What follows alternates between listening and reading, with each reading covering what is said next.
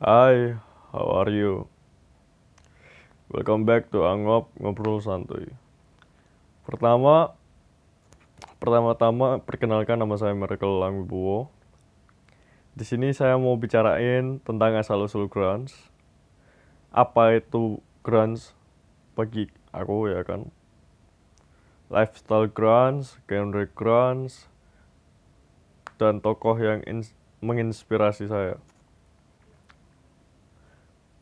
Banyak pihak mengatakan bahwa grunge pertama kali muncul itu pada era 80-an. Itu salah. Sebetulnya grunge itu tren apa ya?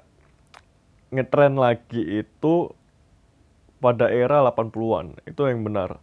Tapi kalau kemunculannya pada ta- pada tahun 80-an itu salah. Karena yang sebenarnya itu grunge sendiri itu muncul pada tahun pada era 60-an. Sudah ada tiga band kalau nggak salah saat itu. tiga band itu sendiri yaitu Crosby, eh, apalagi itu Steel, Nash and Young. Tapi yang disayangkan pada era 70-an itu hanya Neil Young yang masih tetap bertahan karena mungkin mereka menganggap lagu-lagu yang mereka masih bisa diterima jadi mereka itu dijuluki the good father of grunge sampai sekarang. Setelah itu grunge grunge sendiri itu adalah yang belum tahu ya. Grunge sendiri itu eh genre musik ya kan subgenre dari aliran alternatif dengan ciri khas distorsi gitar kenceng atau tinggi riff gitar yang kotor beat drum juga kenceng ditambah suara vokal berat atau kalau kalian nggak tahu berat ya teriak-teriak gitu itu ciri-ciri pure grunge yang dibawain oleh Mudhoney, Mother Love Bones, Green River, Nirvana, Butterhole Suffer, dan masih banyak lagi kalau mas kalian ma- mau nyari. Terus gimana sih lifestyle-nya orang-orang yang seneng dengan genre musik ini? Itu sebenarnya ya bisa dilihat orang yang berpakaian flannel panjang, terus dalamannya pakai kaos, jean biru atau abu-abu terserah, terus pakai sepatu converse, rambut panjang, ya itu udah itu ciri-cirinya. Ya biasanya di kalau orang lainnya melihat itu mereka tuh berpakaian lusuh atau nggak jelas atau aneh gitu. Padahal itu seni, seni orang itu tersendiri karena grunge sendiri itu adalah jiwa. Kalau mau disangkut pautin dengan fashion orang lain nggak bisa. Karena kita udah menyatu dengan grunge itu sendiri.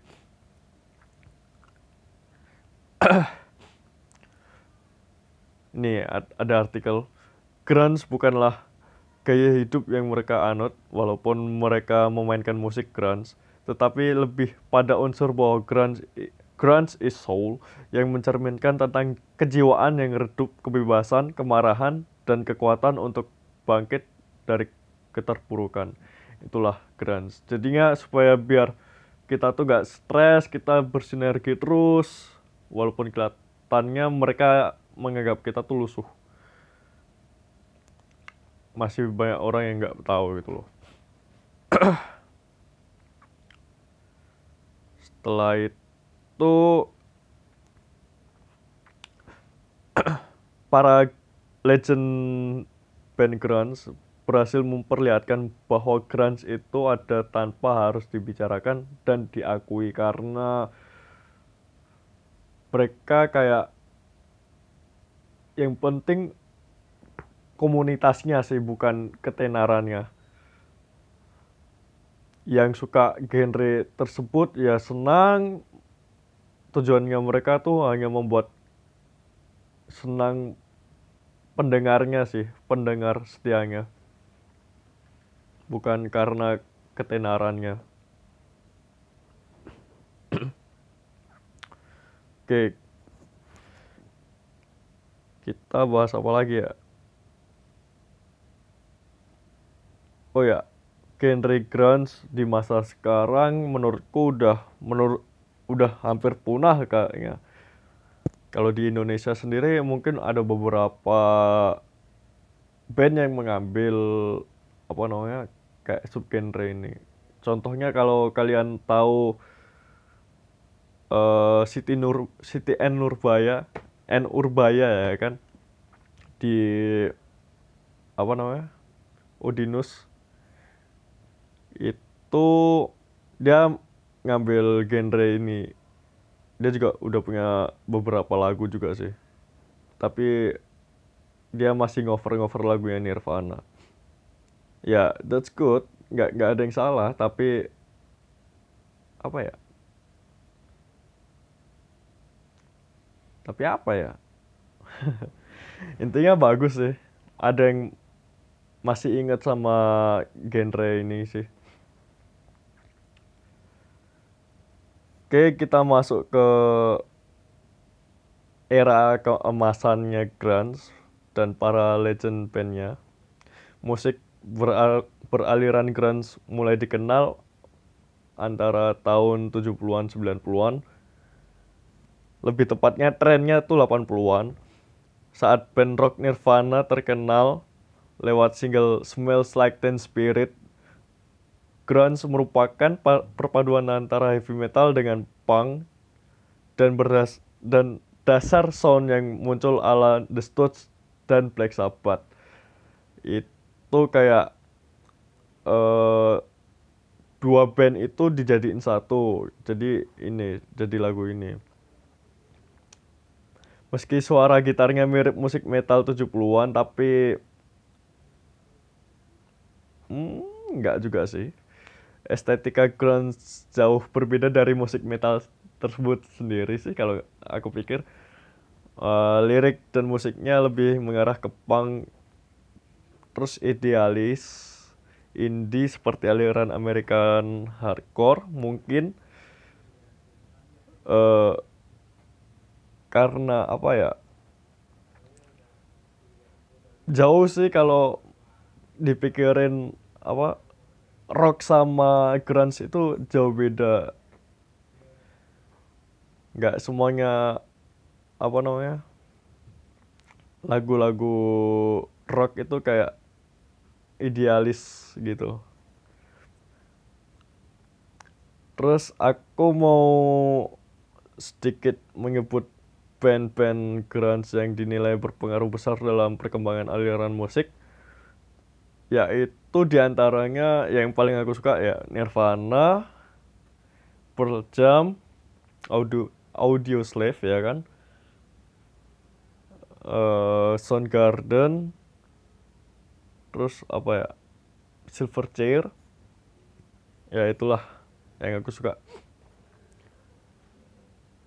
Oke, setelah mengeluarkan album kedua mereka yang bertajuk Nevermind ya kan Nirvana ini dianggap berjasa dalam mempopulerkan grunge sehingga aliran tersebut menjadi mainstream di Amerika.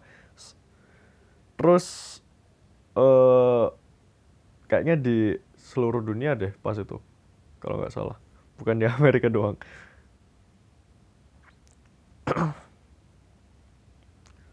di masa itu Nirvana membuat karya-karya karya-karya yang di luar di luar ekspektasi orang sih. Jadi dia membuat album-album yang fantastis dengan aksi panggung yang agak lucu, aneh, terus gila. Jadi ya banyak orang yang seneng. Jadi udah dinanti-nanti sama para penggemarnya gitu. Sayangnya kesusek apa kesuksesannya Nirvana tidak diikuti dengan kesembuhan Kurt Kurt semak Kurt Cobain ini semakin tenggelam dalam depresinya dan beberapa kali berusaha untuk bunuh diri. Jadi karena ketenarannya juga sih mungkin dia agak depresi. Nah ini bedanya orang-orang sekarang sama orang-orang apa ya ya kita orang-orang grunge ya kan. Itu bedanya sendiri. Dia tuh nggak suka tenar. Kalau orang-orang sekarang tuh malah kebalikannya malah dia pengen tenar daripada nggak tenar gitu loh. Apa ya omongannya? Jadi gini gini. Orang dulu lebih suka nggak tenar daripada orang sekarang malah yang orang sekarang malah mencari tenar ya itu perbedaan signifikan uh, oke okay.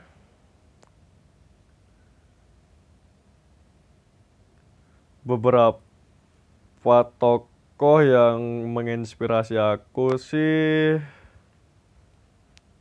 mungkin Kurt Cobain sama sama siapa ini ini ini ini Eddie Vedder Eddie Vedder itu dari Pearl Jam kalau Kurt Cobain yang belum tahu itu dari Nirvana. Kenapa aku pilih dua orang ini? Karena kalau Nirvana, kalau apa Kurt Cobain sendiri itu dia lebih idealis.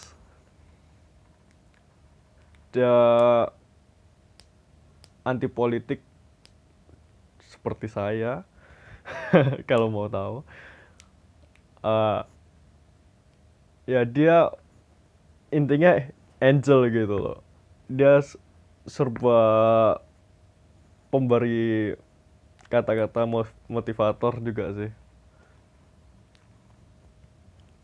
Walaupun akunya sekarang malah agak kurang minat lagi sama apa namanya motivatornya dia. Karena mungkin udah memasuki usia-usia dewasa jadinya aku harus berpikir lebih realistik sedikit.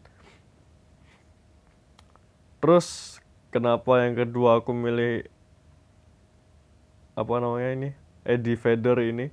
Karena Eddie Vedder sendiri apa ya kayak tokoh ini juga juga tokoh kedua yang menurut aku memperbaiki nama grunge sendiri sih. Kayak grunge sendiri kan udah dianggap kotor lusuh terus jorok ya kan? Nah ini ini tokoh grunge sendiri yang membalikan fakta itu karena dia tuh bersihan. Dia orangnya bersih nggak kayak grunge grunge yang lain makanya itu dia tokoh kedua yang mungkin mempengaruh berpengaruh penting untuk membalikkan nama grunge yang terbilang jelek jadi bagus. Itu dia. Mungkin podcast saya sampai sini aja ya kan pembahasannya. Kalau ada salah kata mohon maaf sebesar-besarnya. Kalau ada yang menyinggung juga tentang politik atau apa mohon maaf karena saya emang anti sosial anti politik juga. Oke. Terima kasih sudah mendengarkan sampai sekarang. Udah sampai detik ini ya kan? Oke bye. See you next podcast